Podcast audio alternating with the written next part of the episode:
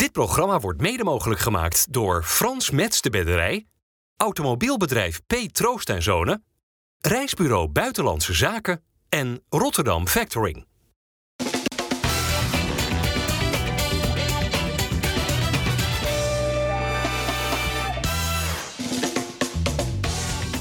Goedendag allemaal, hartelijk welkom bij FC Rijnmond op deze vrijdag. De gast aan tafel, Soleiman Usturk van Voetbal International. Dennis van Eersel en uh, Mario Bilater. We gaan het hebben over het Nederlands elftal. Ook al een beetje over Feyenoord Atletico Madrid in de Champions League. Over Excelsior ook. Maar eerst Mario, uh, Excelsior Maasluis uit. Altijd lastig. Altijd lastig, ja. Zeker. Ja, is- mooie prestatie. Gewonnen van FC Volendam in de, de beker. Ja. Had jij ook niet zien aankomen, toch? Nee, eerlijk gezegd, als je, we hebben dit seizoen tegen Excelsior Sluis gespeeld.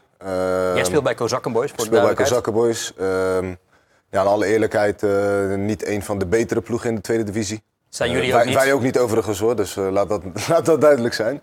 Maar goed, ja, het blijft bekervoetballen en we hebben gekkere dingen zien gebeuren. Eh Quickboys dat NAC uitschakelt.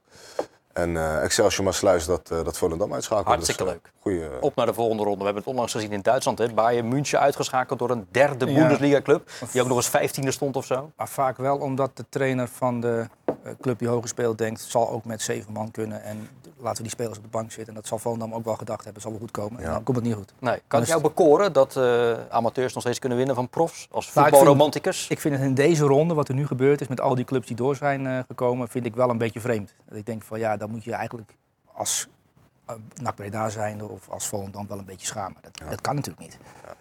Ja, het Zo- nadeel is gewoon, je kan, het, je kan het niet goed doen eigenlijk. Kijk, als je 5-0 wint, als Volendam 5-0 wint van Excelsior Besluit, is er, is er niemand die zegt, oh goed gedaan jongens, want dat wordt van je verwacht. Precies. Dus eigenlijk kun je het alleen maar slecht doen. Dus zes de zes. BVO-clubs zijn Ja. in deze ronde van de beker uitgeschakeld. Opmerkelijk, dat is heel vreemd. Ja. Eén ding nog even over uh, Kazakkenboys, jouw club dus. Uh, Ja. Royston Drenthe heeft aangekondigd uh, per direct jullie te verlaten en te stoppen met voetbal ook nog eens. Ja. Van waar die beslissing van Royston? Uh, nou ja, Royston is natuurlijk al uh, redelijk op leeftijd. En uh, nou ja, dit seizoen speelde hij niet, niet heel veel meer, of tenminste niet als basisspeler. En nou ja, van wat ik weet heeft hij gisteren een gesprek gehad met, met het bestuur. En daar, daarin heeft hij de beslissing genomen om per direct te stoppen. Dus, nou ja, ik en voelt dat toch als een aderlating voor jullie? Of? Nou ja, kijk, Royston is gewoon altijd goed om, uh, om erbij te hebben of hij nou speelt of niet. Kijk, voetballen, dat kan hij zeker nog. En uh, dat laat hij bij Vlagen ook zien. Uh, alleen wat ik zeg, hij, hij speelde niet altijd. maar goed, op een gegeven moment... Hij, heeft een, hij heeft een hartstikke mooi cv. Hij heeft misschien niet altijd de juiste beslissingen genomen in zijn carrière. Maar hij heeft hartstikke mooie clubs gehad. En als je dan op je, volgens mij is hij 6, 37.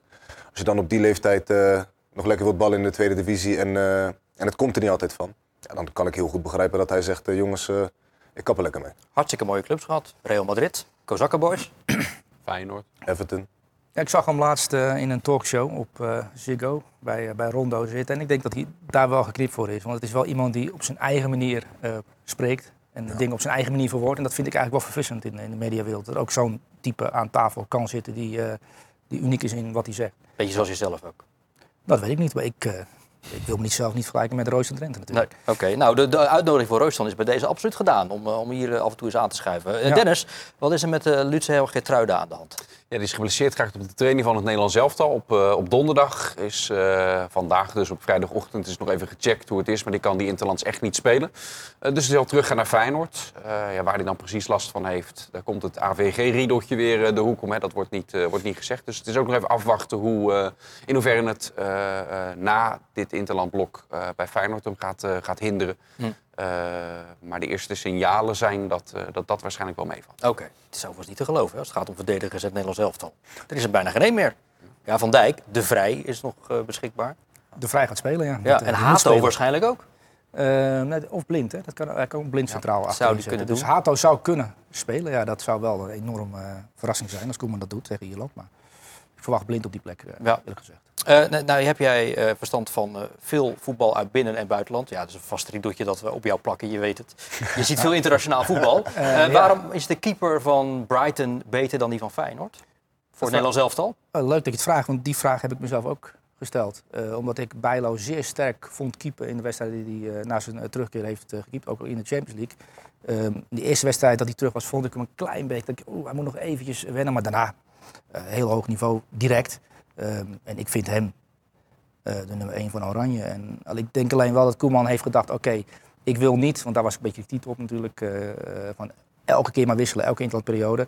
Dat hij nu vier wedstrijden achter elkaar dezelfde keeper opstelt om te kijken of dat een bepaalde stabiliteit achterin eh, gaat teweegbrengen. Ik denk alleen dat Bijlo de nummer 1 is van Oranje. Maar wat vind je van die overwegingen van Koeman? Voor die vastigheid voorlopig? Ja, ik kan het ergens ook wel voorstellen. Kijk, Bijlo is natuurlijk ook met enige regelmaat is die geblesseerd geweest. Dus misschien dat dat ook in het achterhoofd van Koeman speelt. Alleen ik denk, eh, als jij als het Nederlands elftal zijnde eh, ook vooral verzorgd voetbal wil spelen van achteruit, dan is de keuze nog makkelijker. Want er is denk ik op dit moment geen keeper, althans in het Nederlands elftal niet, die los van het keeper zelf eh, voetballend beter is dan Bijlo. Zeker de opbouw, hè? En, Tuurlijk, ook gewoon waar we het een paar weken geleden over de rust die hij uitstraalt. Het lokken van de tegenstander, de juiste keuzes maken aan de bal. Je bent letterlijk, als je met vier man achterop speelt en hem erbij, dan ben je echt, ben je echt met vijf man aan het opbouwen. Nou, dat, is ook, eh, dat is ook iets wat, eh, wat een bondscoach, denk ik, eh Ja. Ik afweegt. vind de onderbouwing ook echt een beetje krom, moet ik, eh, moet ik zeggen. Als je kijkt naar andere posities in het veld. Frenkie de Jong is nu bijvoorbeeld geblesseerd. En in de verdediging hebben er heel veel. Als die straks weer terug zijn, dan gaan die gewoon weer spelen. Want je gaat als bondscoach de beste opstellen. En in dit geval gebeurt dat niet. En ik snap de historie die er met, die er met Bijlo is. Maar nu is hij weer fit. Heeft ook alweer weer een tijdje bij Feyenoord eh, dat hij wel heeft gespeeld. Dus ik vind het een eh, hele vreemde onderbouwing. Ja, je, je hoorde wel veel respons van, oh, dan raakt Bijlo in ieder geval niet bij Oranje geblesseerd. Ja, dat, dat zeggen mensen Nou ja. dan vrij snel. Maar zijn Dat hoeft natuurlijk ook niet zo te zijn. Want dat- hij is de laatste paar keer ook op een training op trainingen, ja, dat wil ik geraakt. maar Dus zeggen. eh, ja. Als je toch kijkt naar dat blessure-track-record, eh Suleiman, van, Ja. van Bijlo. ehm, wat voor invloed gaat dat hebben, denk jij, al met al als het gaat om een, een keer een transfer naar een topclub Ja, in het daar buitenland? Daar wordt naar gekeken natuurlijk, eh, hoe fit iemand is. Want een keeper, eh, dat is nou eh, een van de weinige posities waar je als trainer mee wilt gaan husselen. Ja, Koeman heeft het noodgedwongen moeten doen. Maar je wilt de keeper halen die je gewoon het hele jaar kunt opstellen. Dat je niet na, na, na twee maanden weer je reservekeeper op doel, moet, op doel moet zetten. Dus dat is wel belangrijk dat hij aantoont dat hij over een langere periode... Maaskant heeft het een maand geleden hier ook aan tafel gezegd. over een lange periode aantoont dat je, dat je fit kan blijven. En dat je niet weer geblesseerd raakt. Eh, maar dat vind ik op dit, op dit moment geen argument om te passeren voor Oranje. Hij is op dit moment de beste, vind ik. Maar ja, ik heb niet zoveel verstand van keepers dat ik zeg van nee, hij moet op doel. Ehm, maar, Maar die blessures waren toch ook gewoon veel al pech? Of, of kan het niet altijd pech ja, zijn? maar ook pech moet je vermijden. Ik zeg, kijk, dat is, oh ja, ook dat is iets wat je. Wat je ja, er, zijn, er, zijn, er zijn voetballers en ook keepers die nooit geblesseerd raken. Eh, en het over- overkomt hem te vaak. Ehm, en dat moet gewoon eh, moet minder worden. En eh, ja, ik hoop voor hem dat hij tot het eind van het seizoen gewoon op doel staat. En dat hij ook, en dat is wel belangrijk, maar daar gaan we misschien zo nog over hebben, dat je, dat je in de Champions League doorkomt en dat je ook als keeper een beetje meegroeit met het succes. En dan, en dan is er eigenlijk geen ontkomen meer aan. Ik denk dat hij dan de nummer 1 van Oranje is en wordt. Ja, ja. Oké, dat zou dan na de kerstdagen dadelijk, als we in maart weer wat... verder gaan met Europees voetbal en de competitie. gaan spelen, en, ook met en Nederlands de titel gaan elftal. strijden. Ja. Ja, goed. eh, Nederland is bij een overwinning op Ierland eh, verzekerd van het Europees kampioenschap volgende zomer. Eh, als dat onverhoopt niet zou lukken tegen Ierland, dan wacht daarna Gibraltar. Zou ook moeten kunnen, zou je zeggen. Ik denk ook dat dat de reden is dat bijvoorbeeld Bergwijn en, en ook de Feyenoorder uh, Geertruida ehm, makkelijker kunnen afmelden. Ja, het komt toch wel goed, want ja, van Gibraltar wint iedereen. Dus je bent eigenlijk al gekwalificeerd, moet alleen nog gebeuren. Ja. Het is een kwestie van tijd. Dus dan Ja, kun je ook... Ierland heeft er baat bij om, eh, om te verliezen. verliezen, dus Want ja. als zij winnen en eventueel zou Nederland het daardoor niet meer halen en Griekenland wel, dan verliest Ierland zelf zijn, zijn omweg om, eh, om nog tegen Ja. te kunnen. Dus het is een gelopen koers. Het zijn twee oefenwedstrijden. Eigenlijk wel. Ja. Mario, wat staat een eh, selectie bij het Nederlands elftal nog in de weg voor Quinten Timper? Nou, ik moet zeggen dat, eh, dat hij er wel heel dicht tegenaan zit nu op dit moment, denk ik. Vooral met eh, hoe hij de laatste weken speelt. We hadden natuurlijk aan het begin van het seizoen een beetje de vraag van... Ja, wie gaat de rol van eh Kukje een beetje over kunnen nemen? De wat meer aanvallende eh, rol. En nou ja, je merkt gewoon dat hij in die rol aan het groeien is. En zichzelf eh, ja, heel goed aan het profileren is en op de kaart aan het zetten is... om ook wellicht in een wat meer aanvallende rol... een rol van betekenis te kunnen gaan spelen bij Oranje. Ja. Dus, ik denk niet dat hij heel ver verwijderd is van een, van een plekje bij, eh, bij, eh, bij, Oranje. eh, Oranje. Wat bevalt jou aan hem zo? Ja, ik vind, ik vind het wel bijzonder. Want aan het begin van het seizoen eh, heb ik ook een paar interviews gezien met Quinten Timmer. En sprak hij ook zijn twijfels uit. eh, en dat ging over zijn positie. Moest hij nou op 6, op 8 of op 10? En eh, toen is hij met slot gaan zitten. eh, en moest hij zich op een bepaalde plek gaan richten. Nou, op die plek is hij nu ook aan het excelleren. En speelt hij zich misschien oranje in. En dat vind ik wel mooi om te zien. Dat hij, eh, het is een intelligente jongen. Dat kun je in alles merken. Ja, Ehm, wel die- bespraakt. wel bespraakt ook, maar iemand die ook eh, zijn trainer vertelt wat hij moet verbeteren. En dat gaat hij dan aanpakken. En je ziet dat dan een we- paar weken later, dat hij op dat punt eh, enorm verbeterd is. En ik vind hem nu, op dit moment, wel echt een eh, voetballer die, ja, die op de deur klopt bij Oranje. Maar voor mij hoeft hij Oranje nog niet in. Eh, want nu is de beurt aan Schouten.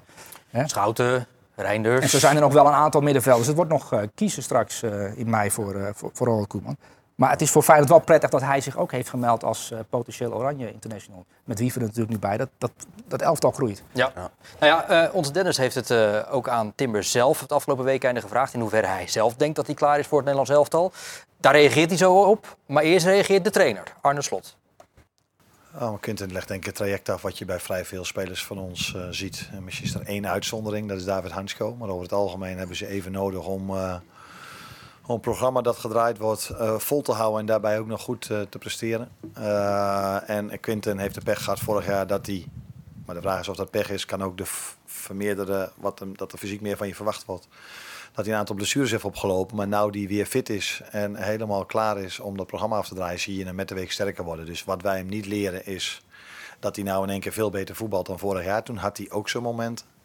Maar waar we op, over het algemeen vrij aardig voor elkaar krijgen, is spelers fitter maken die al zelf heel goed kunnen voetballen. En dan zien we er met elkaar meer van terug op het moment dat ze fitter worden. Ja, uiteindelijk gaat het om, eh, om die verloop proberen vast te houden. Eh, er komen nog een aantal wedstrijden aan voor de winterstop. Eh, ik, ho- ik hoop het gewoon eh, goed te blijven Ja. doen. Dat is voor mij het belangrijkste en uiteindelijk komt het vanzelf wel aan. Is het wel iets waar je mee bezig bent, hetgeen wat ik aanstip? Vind je het zelf realistisch als dat gaat komen? Uiteindelijk, als ik, als ik blijf presteren en eh, belangrijk blijf, blijf zijn voor het team, heb ik er alle vertrouwen in dat het goed komt. En dat ik erbij kom. Daar heb Mooi. ik zeker vertrouwen in. Ja, bescheiden jongen, hè? Ja, Ja, wat moet hij zeggen? Nou ja, eigenlijk wil ik gewoon dat hij zegt eh, ja. Ja, dat denk ik dat wel. doet hij uiteindelijk wel. Ja, Uiteindelijk wel, wel echt op een hele nette manier. Ja, eigenlijk, ja, dat denk ik wel. En wat vind jij nou zijn meest ideale positie? Is dat op 10 of is dat dan toch op 8, maar dan wat hoger wel als waar Kukje stond, hè? want die, die stond wel wat lager op die positie? Ja, ik denk het wel. Ik denk dat het eh, een echte nou ja, box-to-box speler is. Ik denk dat hij verdedigend eh, vaak zijn mannetje staat. Eh, wat lager op het veld komt hij goed tot zijn recht. En nu dus ook wat hoger op het veld eh, steeds bepalender gaat zijn voor, eh, voor Feyenoord. En ik denk eh, in de toekomst, wie weet, ook, eh, ook wel voor Oranje, zeker. Ja, Ja. Ik wil een speler op de 10 positie wil ik dat hij meer scorend vermogen heeft dan wat Quinten Timber heeft. En het is misschien een gek momentum om het te zeggen, omdat hij nu laatst voor het, eer- voor het eerst twee wedstrijden bereiden heeft gescoord. Ja, Eh, eh, maar dat moet bij nummer 10 echt veel hoger liggen dan de cijfers die hij haalt. Jij noemde net de naam van Schouten al eventjes. We hebben natuurlijk ook Wiever bij Oranje. Dallinga is daar nu bijgekomen. Met andere woorden, dat zijn eh, recente oud-spelers van Excelsior... die zich nu allemaal in het Nederlands elftal hebben gevoetbald. Ja. Hoe bijzonder is dat wel niet? Ja, ze hebben, ze hebben geluk gehad, denk ik, eh, op Woudenstein met, eh, met een hele goede lichting van een hele goede Kan het spelers. alleen maar geluk zijn? Nee, natuurlijk niet. Dat heeft ook gewoon een stukje met scouting te maken. Kijk, een, een Dallinga die komt niet zomaar bij Excelsior. Die werd bij Groningen werd, werd hij te licht bevonden. Ehm, en nou ja, dan, dan is het maar de kunst om, eh, om zo'n jongen daar weg te pikken en te zeggen, nou ja, ik, ik zie heel veel potentie in je. Ja, en hij maakt het meteen in het eerste seizoen eh, in een heel goed elftal maakt hij het waar. En hij heeft die lijn eigenlijk sindsdien alleen maar doorgetrokken. Hij maakte vorig jaar 12 voor Toulouse. Hij staat nu alweer op 3. En hij maakt er ook een paar in de Europa League. Tegen Liverpool notabene. Hoe knap is het wat die Dallinga flikt daar? Nou, dat vind ik wel knap. Want als je een paar jaar terug eh, de klok terugdraait, dacht aan stoppen. Ja. En, en nu staat hij eh, te trainen met eh, Oranje Internationals. eh, en is hij opgeroepen voor, op- voor Oranje richting een EK. Dat is natuurlijk wel heel bijzonder als je ziet dat traject dat hij af heeft gelegd en waar hij vandaan komt. Ja, opmerkelijk. En wat is de handtekening onder zijn spel? Hoe, hoe zou je de spits Dallinga Nou, omschrijven? hij is iemand die in en rond de 16 zijn kansen afmaakt. Heel cool. En je ziet eigenlijk, het is geen spits à la Memphis die, die ook buiten de 16 eh, met, met uitpakt met, met dribbles en dat soort zaken en zo. Het is, hij is heel cool en zakelijk en leert steeds beter zijn lichaam gebruiken in, de Ligue 1. Want je ziet wel dat hij fysiek ook stappen aan het maken. Ja. Dat moet ook wel in Frankrijk. Ja. Ehm, dus ik vind hem een steeds completere spits aan het worden. Eh, en het is voor hem heerlijk dat hij nu kan rondkijken bij Oranje om te kijken hoe goed hij precies is en wat er allemaal verbeterd moet worden. Want het kan allemaal nog sneller en nog fijner Ja. eh, om, om, om, om, om door te groeien. Maar als je het afzet tegenover, tegenover Weghorst, Die vraag stel je met een reden? Of, gewoon in alle Eh, objectiviteit. nou, Wout Weghorst heeft natuurlijk al een heel traject afgelegd eh, via AZ en Heracles en eh Wie is de beter, Suleiman? Op dit moment Wout Weghorst. Voor Oranje, voor dit Oranje. Maar Thijs Dallinga is een jongen die nog aan het begin van zijn carrière staat. Die denk ik drie, vier jaar nog nodig heeft om echt goed te worden. Ehm, want hij zit nu bij Toulouse en dat doet hij prima of aardig. En zo aardig dat hij bij Oranje zit nu. Ehm, Maar ik denk dat hij nog wel een aantal jaar nodig heeft om, om het niveau te bereiken wat hij misschien in zijn hoofd heeft zitten. En dan, ja, dan kan het net als Wout Weghorst een vaste speler van Oranje worden. Het zou eh, knap zijn. Eh, ik noemde net die groeibriljante trouwens bij Excelsior van de afgelopen jaren. Ja. Maar er is er nu weer eentje aan het opstaan. Hè? Jij doet op Julian Baas, Uiteraard, denk ik dan ja. op dat middenveld. Ja, ze ziet van een vermogen die ook, eh, die ook heeft. eh, Nou, loopvermogen. Ja, ja dat Ja, bedoel ja, ik. ja. Die, die is op alle plekken op het, eh, Ja. op het veld. Hè. Dat, eh, eh, maar uiteindelijk is het ook belangrijk dat je nog aan de bal ook nog eh, er iets mee, eh, mee kan. Hij heeft ook een hele fijne traftechniek eh, in. Dus ja, dat zou wel eens de volgende kunnen zijn. eh, volgende speler van Excelsior waar de club ook nog aan gaat verdienen. En dat is, eh, nou, jaren geleden is dat echt wel eens anders geweest. In de laatste nou ja, vijf tot acht jaar. Excelsior echt een paar mooie transfers ook. pakken had. Ik denk dat hij de volgende eh, Ja, daarin hij bleef gisteren eh, wel op de bank hè, bij eh, Jong Oranje die wedstrijd tegen Gibraltar. Maar wat Ja. ik ook mooi is, hij is op het middenveld op meerdere posities inzetbaar. Staat nu bij afwezigheid van El Jacoubi een beetje op zes. En hij is zelf opgeleid. Ja, dat is toch, dat is toch schitterend? Voor zo'n kleine club als dat is- Excelsior. Dat is, prachtig. En is- ik vind ook wel de functie van Excelsior om, eh, om spelers op te leiden voor FC Utrecht. Die dan door kunnen groeien. eh, zoals Dallinga naar... eh, ja, Je weet waar Excelsior staat en je weet waar Utrecht staat hè, op dit moment. Ja, dat weet ik. Dat hoef je mij niet te vertellen. Ja, ik zit hier met elkaar in, een Rotterdamse tafel. Oh ja, maar wij zijn echt volledig objectief toernooi, man. Oké. nee, maar het is natuurlijk, ik vind dat de functie van Excelsior, ze staan natuurlijk nu hoog op de langlijst, dat weet ik ook. eh, maar ik vind bijvoorbeeld de linksbuiten van Excelsior, eh Driels. Dribbelaar, vind ik ook een eh, aantrekkelijke speler. Waarvan ik denk, hé, die zou ik als scout van FC Utrecht of een andere club eh, in de gaten houden. Eh, want dat is een zeer interessante speler met, eh, met mogelijkheden. En zo die spits die, die, die begin het seizoen veel scoorde. Vind ik, ook, Agrafiotis. vind ik ook een goede speler. Ja. En zo Wel heb zijn plek nu verloren aan die Troy Parrott. Precies, ja. Maar dat vind ik ook trouwens een jonge speler die... eh, Mario die- begint al te zuchten als je dat echt zegt. waar. Ik vind het verschrikkelijk. Waarom vind je het verschrikkelijk? Ja, wat ik vorige week zei, je, je- de- dan ben je een agrafiotis. Nou, ik denk gewoon dat hij het veel beter heeft gedaan dan jongens of dan Excelsior en de staf van, van hem verwachten. En dan halen ze Troy Parrott binnen met, eh, met de intentie om uiteindelijk eerste spits te worden. En dan gaat hij ineens eh, scoren en dan denk je bij jezelf, ja, wat is het juiste moment om toch uiteindelijk te gaan kiezen voor de spits die ik, eh, die ik op papier gewoon beter vind. Eh, en ja, dan komt het op een moment dat hij volgens mij twee of drie wedstrijden niet scoort. Maar volgens mij nog steeds, eh, hij liep destijds nog 1 op 2 of zo goed als 1 op 2. ja. Ja, nou ja, dan... eh, Maar vind jij dat... Herken jij daar iets in dat je dat zelf ook meegemaakt hebt? Dat je Nou, dat, dat, is, dat, is, dat is gewoon, kijk, op een gegeven moment er komt dan een spits, een huurling binnen van Tottenham. Dat is natuurlijk niet de minste club. En eh, meteen International van Ierland. hè? Er bestaat een kans dat hij morgen tegen het Nederlands elftal international ook nog eens. Nou, en dan weet jij eigenlijk als, tenminste, daar ga ik vanuit dat hij slim genoeg is om dat een beetje door te hebben van nou, ze halen niet zomaar een huurling van Tottenham. Die wordt natuurlijk gehaald met de intentie eh, om zich hier door te gaan ontwikkelen en vooral veel minuten te gaan maken. Nou, en dan ben je aan het scoren en op een gegeven moment valt hij drie keer in. Heeft hij drie goals erin liggen in eh, nog geen 90 minuten.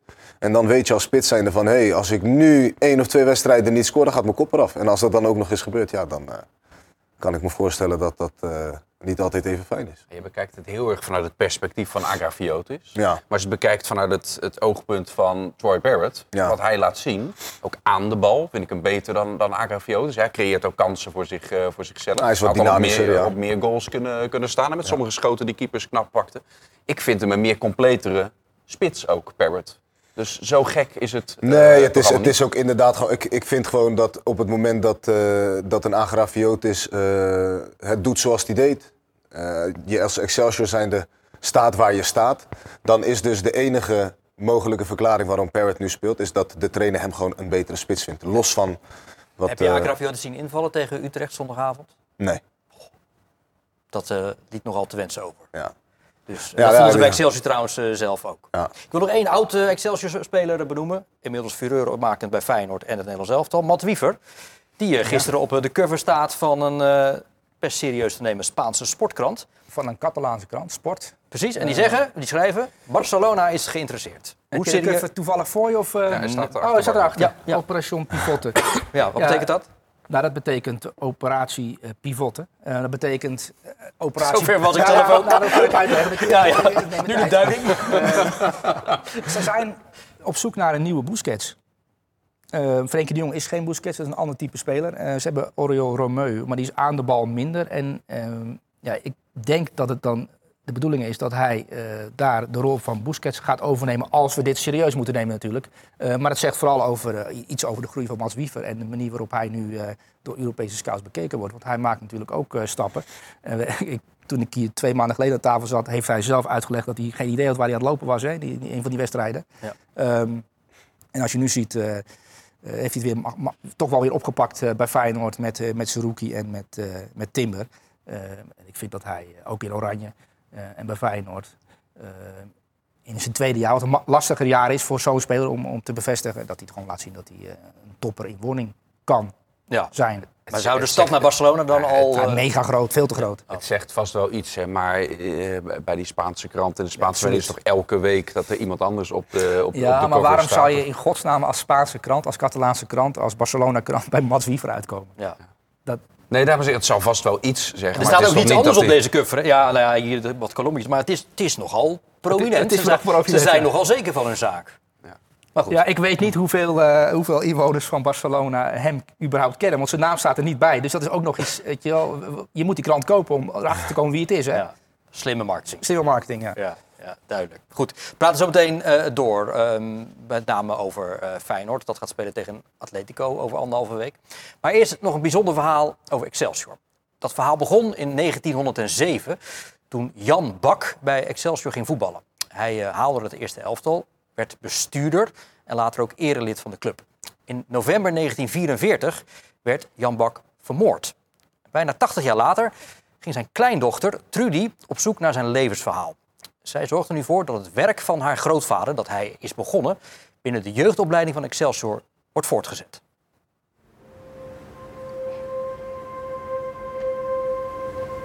Ja, hier hangt mijn grootvader. 1907 werd hij, werd hij lid. En we zijn nu in 2023 en ze praten nog steeds over. Dus dat zegt heel wat. Over de club en over mijn grootvader. Ik ben zo teleurgesteld dat, ik, dat mij nooit iets verteld is.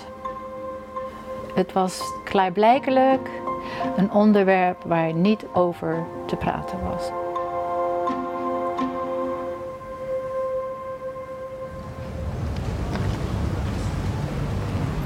Daar gebeurde het. In de Lusselstraat. Hij kwam aanlopen, er wordt geroepen en ineens een kogelschot. Mijn hele leven nooit geweten. Allemaal weggestopt.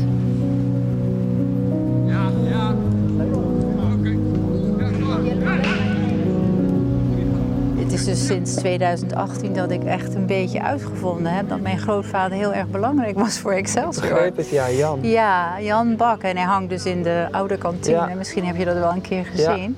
En dat is mijn grootvader. Bijzonder dat je daar dan nu, nu zo achter komt Ja, dat gek familie zo'n grote rol heeft gespeeld bij een club waar zoveel mensen een band mee hebben. Na 80 jaar komt ineens de kleindochter door de deur heen Ja. lopen. En, maar het was heel erg verwelkomend Ja. en heel warm en heel Ja. spontaan en ontzettend leuk. En ze vonden het natuurlijk ook heel bijzonder. Dus, maar we zijn verhaal, echt. ja. Ja, ja. Dus en je had hetzelfde gevoel. Ik had, ik had heel erg hetzelfde gevoel. Vanaf moment één al. Ja, Het is echt een familieclub. ja.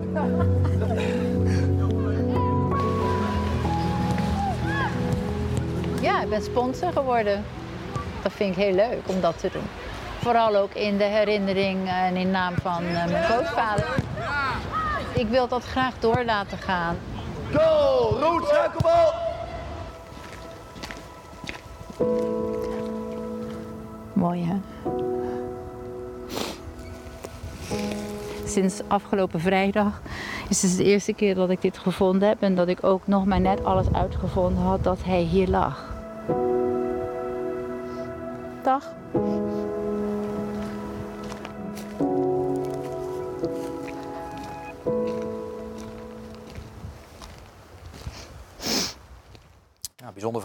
En eh, vanaf vandaag is die eh, volledige documentaire te zien via de website en social media kanalen van Excelsior en de Excelsior Foundation. Trouwens gemaakt door onze oud-collega Dirk Beers. En dat heeft hij weer buitengewoon fraai eh, gedaan.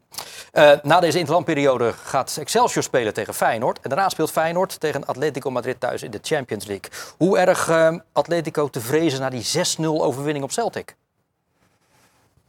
Vrezen, dat is natuurlijk in Rotterdam. Ik denk dat Atletico, Simeone, die, ik denk dat hij eh, de vorige wedstrijd, Atletico Feyenoord, al een paar keer heeft herbekeken om een manier te vinden om eh, de opbouw van Feyenoord te verstoren. Zoals Sarri dat ook heeft gedaan in de tweede wedstrijd. En eh, dat viel mij vooral op bij de tegenstander. Die zich heel erg aanpaste aan Feyenoord. Wat je eigenlijk zelden ziet in de groepsfase bij een Nederlandse club. Dat de tegenstander van, Ja. die beter is, zich aanpast. Wat zal er dan anders zijn, dadelijk in die return Nou ja, op Simeo- 28 november? De, de eerste wedstrijd, dat kunnen we allemaal herinneren, werd Atletico eigenlijk in eigen huis te kijk gezet. Eh, omdat ze telkens achter de bal aanriepen, eh, achter Feyenoord-spelers aanliepen. Alleen ze wonnen, eh, omdat Feyenoord niet goed genoeg in de eigen 16 was. Ja, en omdat Feyenoord wat pech kende. En een klein beetje pech. Eh, en ik denk dat Simeone wel een manier gaat proberen te vinden om dat aspect, dat Feyenoord zo makkelijk door de, door de linies gaat komen, om dat tegen te gaan. En het gewoon Feyenoord heel lastig maken in de Kuip. eh de spel traineren, zoals we kennen van eh, Atletico en Simeone. Ze zullen daar niet eh, voor de schoonheidsprijs gaan komen. Maar net als Lazio, wat toch opvallend was, dat laatste half uur, alle ballen maar naar voren schieten. Eh dat gaat Simeone ook proberen, 90 minuten lang. Ja. Met Depay waarschijnlijk weer, hè? Die is tegen die tijd waarschijnlijk wel fit. Ik denk niet dat hij gaat spelen dan. Nee? Nee. Ik, eh, op, Griezmann is op dit moment een van de beste voetballers ter wereld. Ik weet niet of mensen daarmee Ik denk dat zijn. velen het met je eens zijn, Ehm, Mario? Ja. Zeker, Ja. zeker. En Morata is daar nu de nummer 1 spits. Dus, eh, dus de Memphis zal eh, zijn best moeten doen om eh, weer in de basis te komen. Maar dat is alleen maar goed voor, voor die ploeg. Ja. Ondertussen heeft bij Atletico ehm Simeone zijn contract verlengd tot 2027. dat is wel apart. Hè? Ja, hij werkt er sinds 2011, maar waarom gebruik jij nu het woord apart? Nou, zo lang bij zo'n club op, zo'n intense manier werken. Ik bedoel, ehm, Dat is toch fantastisch? Ja, dat is fantastisch, maar Ja. het is natuurlijk, dat zie je tegenwoordig niet Nee, meer. Eh, nee. Ik bedoel, we hadden vroeger Giroud, die heeft 80 jaar bij dezelfde club gewerkt ongeveer. En Ferguson natuurlijk ook. Eh, Wenger. en Wenger ook Basel, maar dat, dat van... Ja, Slot. slot? Hopelijk. Nee, ik denk niet slot zo lang zal gaan werken bij Feyenoord. Maar ehm, eh, ja, ik vind het wel... eh, wel- en hij heeft natuurlijk een geweldig salaris, maar een unieke trainer. En iedereen die met hem gewerkt heeft, dan heb ik het over spelers, eh, die beamen dat ook. Dus ja, het is, het, is, het, is een, het is een intense manier van werken bij Atletico. Eh, en toch elke keer weer, want je speelt in een competitie met Barça en Real. En daartussen weten te fietsen, ook dit seizoen. Ja. Zijn ze weer in staat om, eh, om, om kampioen te worden. Want zo goed zijn ze op dit moment, vind ik persoonlijk. Ja? Kampioenskandidaat. Ja, vind ik wel, ja. Hoeveel verdient eh, Simeone er trouwens dan? Je zei Genoeg. het- Ja, Meer dan jij. Ja. Maar dat- dat is niet zo- dat moeilijk. Nee, maar hij verdient... Dan verdient hij echt heel veel. Ja, hij is de best verdienende trainer ter wereld. Oké. Ehm, Dus en dat is slot niet. Dat is slot nog niet, nee. Nee. Ehm, nou, maar hij verdient ja, meer dan 30 miljoen euro per jaar. Ehm, wel bruto. Ehm, Oh, oh, nou, dat is goed. Oh nee, dat, oh, nee, dat maakt wat uit. nee, maar, eh, ja, hij krijgt heel veel geld, maar dat geldt voor heel veel eh toptrainers natuurlijk. Ja, eh, in maar dit is maar, niet- wel maar dit is wel exorbitant. Ja, dat is, het is, eh, ook dat is vreemd, dat salaris. Want waarom zou je hem zoveel geld geven? Eh, voor dat voetbal, dat is dan een beetje de Nederlandse kijk. Want je zit toch te kijken van ja, ze, ze weigeren eigenlijk te voetballen. Dat is hun filosofie. Ja. Maar het levert Als wel je prijs negatief op. bekeken, hè, want ze kunnen geweldig verdedigen. En heel veel trainers, ook Slot, maar heel veel andere trainers ook, die kijken naar Atletico. Hoe zet je een organisatie neer? Nou, dat is wat Simeone al sinds 2011, 2012 doet. Ja, precies. Hoe Ze overtuigd ben jij ze dat... hebben moeite met hun uitduels in de Champions League. Ja. Niet, niet alleen dit seizoen, maar ook vorig seizoen zaten ze in de Ja. pool met onder andere Club Brugge, volgens mij met Porto in, eh, Klopt. in de pool. Dit- Dat is wel echt... eh, heb je daar een, Ja, verklaring ja. van? Nou, ik heb er geen verklaring voor. Het is gewoon, eh, er is veel kwaliteit. Ze hebben veel kwaliteit verloren. En Simeone is eigenlijk al anderhalf jaar bezig om die ploeg weer, die sparkle, hoe, hoe zeg je dat in het Nederlands? Spark. Om, die sparkle te geven, dat, dat ze weer gaan meedoen, ook om de titel. En hij heeft nu het gevoel, Simeone, dat hij weer een ploeg geeft waarmee die eh, City, Bayern, Feyenoord pijn kan doen. Omdat het een ploeg is waar je niet graag tegen speelt. Eh, alleen dat uitprobleem, dat is natuurlijk een jaar zo geweest, maar het was gewoon niet goed genoeg. Waardoor je uit in de problemen komt. Alleen nu, eh, deze uitwedstrijd eh, in Rotterdam in de Kuip tegen Feyenoord, is ook voor Simeone. eh, hij moet het salaris waarmaken. Hij heeft een nieuw contract getekend. En dit is voor hem ook een enorme finale. Dus dat is wel. ook bij Atletico zijn de drukken wel volledig op, want ze mogen natuurlijk niet verliezen. Nee. Want hoe zie jij verder de overlevingskansen voor Feyenoord in die Champions League? Nou, ik denk dat het eh, een enorm voordeel is voor Feyenoord dat, eh, dat ze thuis spelen. Ja. Eh, ze zijn thuis vele malen beter en Atletico, wat je net zegt, is, is uit gewoon minder, of in ieder geval niet de ploeg die ze thuis zijn. Ehm, het enige wat eventueel in het nadeel zou kunnen werken voor Feyenoord is natuurlijk het feit dat Lazio die wedstrijd eerder speelt tegen Celtic. Ik ga ervan uit dat Lazio die drie punten gaat pakken. Ehm, dus nou ja, dan ligt de druk natuurlijk bij Feyenoord, want die moeten dan over Atletico heen. Of in ieder geval aanhaken bij Lazio. Ehm, maar tegelijkertijd, Atletico weet dan ook, hey, wij moeten hier ook gewoon resultaat boeken. En het thuis afzien te maken tegen de Lazio. Dus dan kan je dus tegen, er tegenaan gelopen dat, eh, wat ik eh, vorige week zei, dat Atletico heel die wedstrijd in principe dood gaat maken. Of in ieder geval, als ze op voorsprong komen, ja, gewoon eh, in een bijna 5-5 blok gaan staan. En zeggen van ja, kom maar. En wij gaan alleen maar geniepige overtredingen maken. de wedstrijd ja, gewoon doodmaken op een, op een hele volwassen, ervaren manier. Ja. Maar goed, Feyenoord heeft wel bewezen, vooral ook dit seizoen, dat af en toe goed kapot te kunnen voetballen en onderuit te kunnen spelen. Dus dat, dat kan interessant worden. Ze spelen trouwens afgelopen week een oefenwedstrijd tegen Go Ahead Eagles. Wat, wat was de waarde van die wedstrijd? Zodat spelers als uh, Belen, Van der Belt, uh, dat die speeltijd, dat die minuten kunnen, kunnen maken. 1-0 gewonnen, Die, die spelen weinig. 2-1. 2-1 gewonnen. twee goals, dat is opmerkelijk twee goals van Diro's toen. Moet je ook maar mentaal kunnen, want die komt natuurlijk helemaal niet meer in het stuk voor. Maar ik begrijp niet alleen op de training, maar ook in zo'n wedstrijd dat hij dat hij wel blijft doen wat hij, wat hij moet doen. Dus wat dat betreft, qua uh, je als een prof gedragen, hè, professioneel zijn, uh, dat bewijst hij hiermee uh, wel. Dus dat is, dat is knap. Gaat die kampioensrace dadelijk? Gaat dat een race worden dus privé tussen twee ploegen? Je bedoelt PSV en Feyenoord? Ja, wie anders? Um, dat denk ik wel. Dat denk ik wel, ja. Ja, want Ajax is natuurlijk al lang weg. Um, AZ is niet goed genoeg. Dus het zal tussen... Twente. Twente is ook niet goed genoeg. Dus het zal tussen PSV gaan, dat nog niet heeft verloren uh, dat nog geen punt heeft laten liggen. Maar waarin maar, verschillen ze wat jou betreft voetballend op dit moment? Ik denk dat Feyenoord en, Feyenoord en PSV niet zo heel veel verschillen. Um, het, het, lijkt alleen nu een groot gat omdat PSV alles heeft gewonnen uh, in de competitie en Feyenoord op punten heeft laten liggen. Maar PSV zal ook zijn punten gaan laten liggen. Um, dus het gat is niet zo groot als op de ranglijst lijkt dat het is. Denk ik. Dus het zal, ik denk dat het heel spannend gaat worden. Maar 7 is op zichzelf ook. Ja, maar het heeft ermee te maken dat, dat Feyenoord heeft een keer te veel een gelijkspel uh, genoteerd of een nederlaag uh, geleden. En PSV heeft alles gewonnen. Dan lijkt zeven punten heel veel. Maar één nederlaag, het is alweer vier punten. En dan, dan, ja, dan is het al totaal anders. Ik denk echt dat het een spannende titelrace gaat, kan gaan worden. En dat PSV minder goed is dan het nu lijkt op die ranglijst. Mm. Omdat ze alles gewonnen hebben. Ja. Dat gaat natuurlijk niet het hele seizoen goed.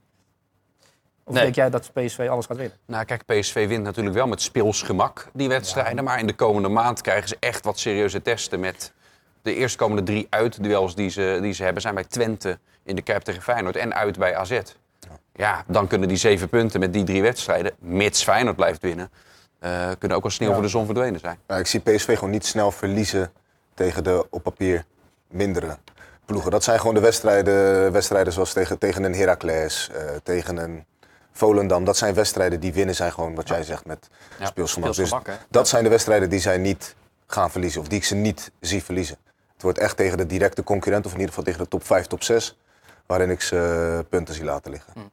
Jij hebt je blik vaak gericht op, op eh, ook met name de internationale voetbalmedia. Mm uh, wordt Arne Slot gezien als een soort van kroonprins in het uh, internationale trainersschilde? Nou, je ziet wel um, aan de reacties na afloop van Champions League wedstrijden in bijvoorbeeld de Italiaanse media, maar ook in de Spaanse media, dat ze erg onder de indruk zijn van de manier waarop Feyenoord zich presenteert, ook in de uitwedstrijden. Uh, dat ze op die manier durven voetballen. En er zijn natuurlijk een aantal trainers in Europa die dat, uh, die dat ook hebben. En, ik vergelijk hem dan met, met de Zerbi. en hij doet het op Champions League niveau. En dat is wel ehm, ehm, ja, iets wat opvalt. de Zerbi die rouleert wel veel meer. Hè? Ja, maar dat, dat is ook een trainer die opvalt door zijn manier van voetballen. Maar je ziet dat Feyenoord inderdaad met dezelfde, vaak dezelfde elf, of dezelfde negen, op blessures. Uh, een manier van voetballen laat zien, uit en thuis.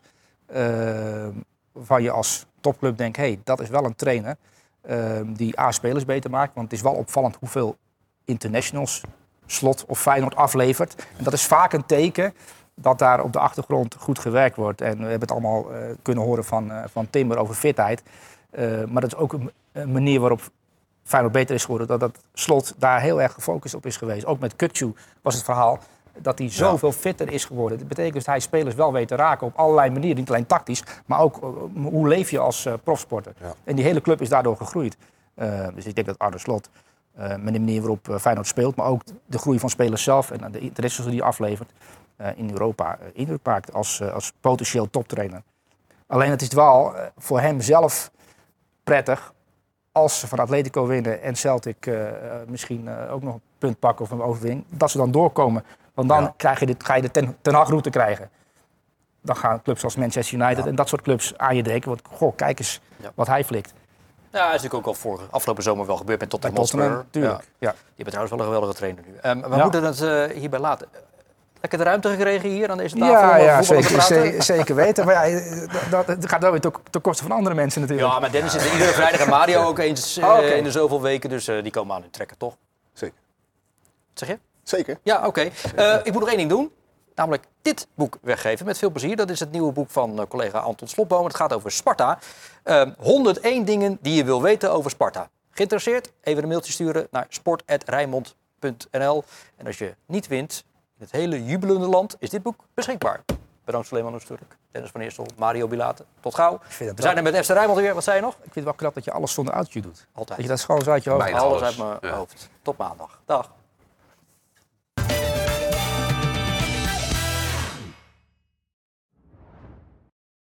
Dit programma werd mede mogelijk gemaakt door Frans Mets de Bedderij, Automobielbedrijf P. Troost en Zonen, Reisbureau Buitenlandse Zaken en Rotterdam Factoring.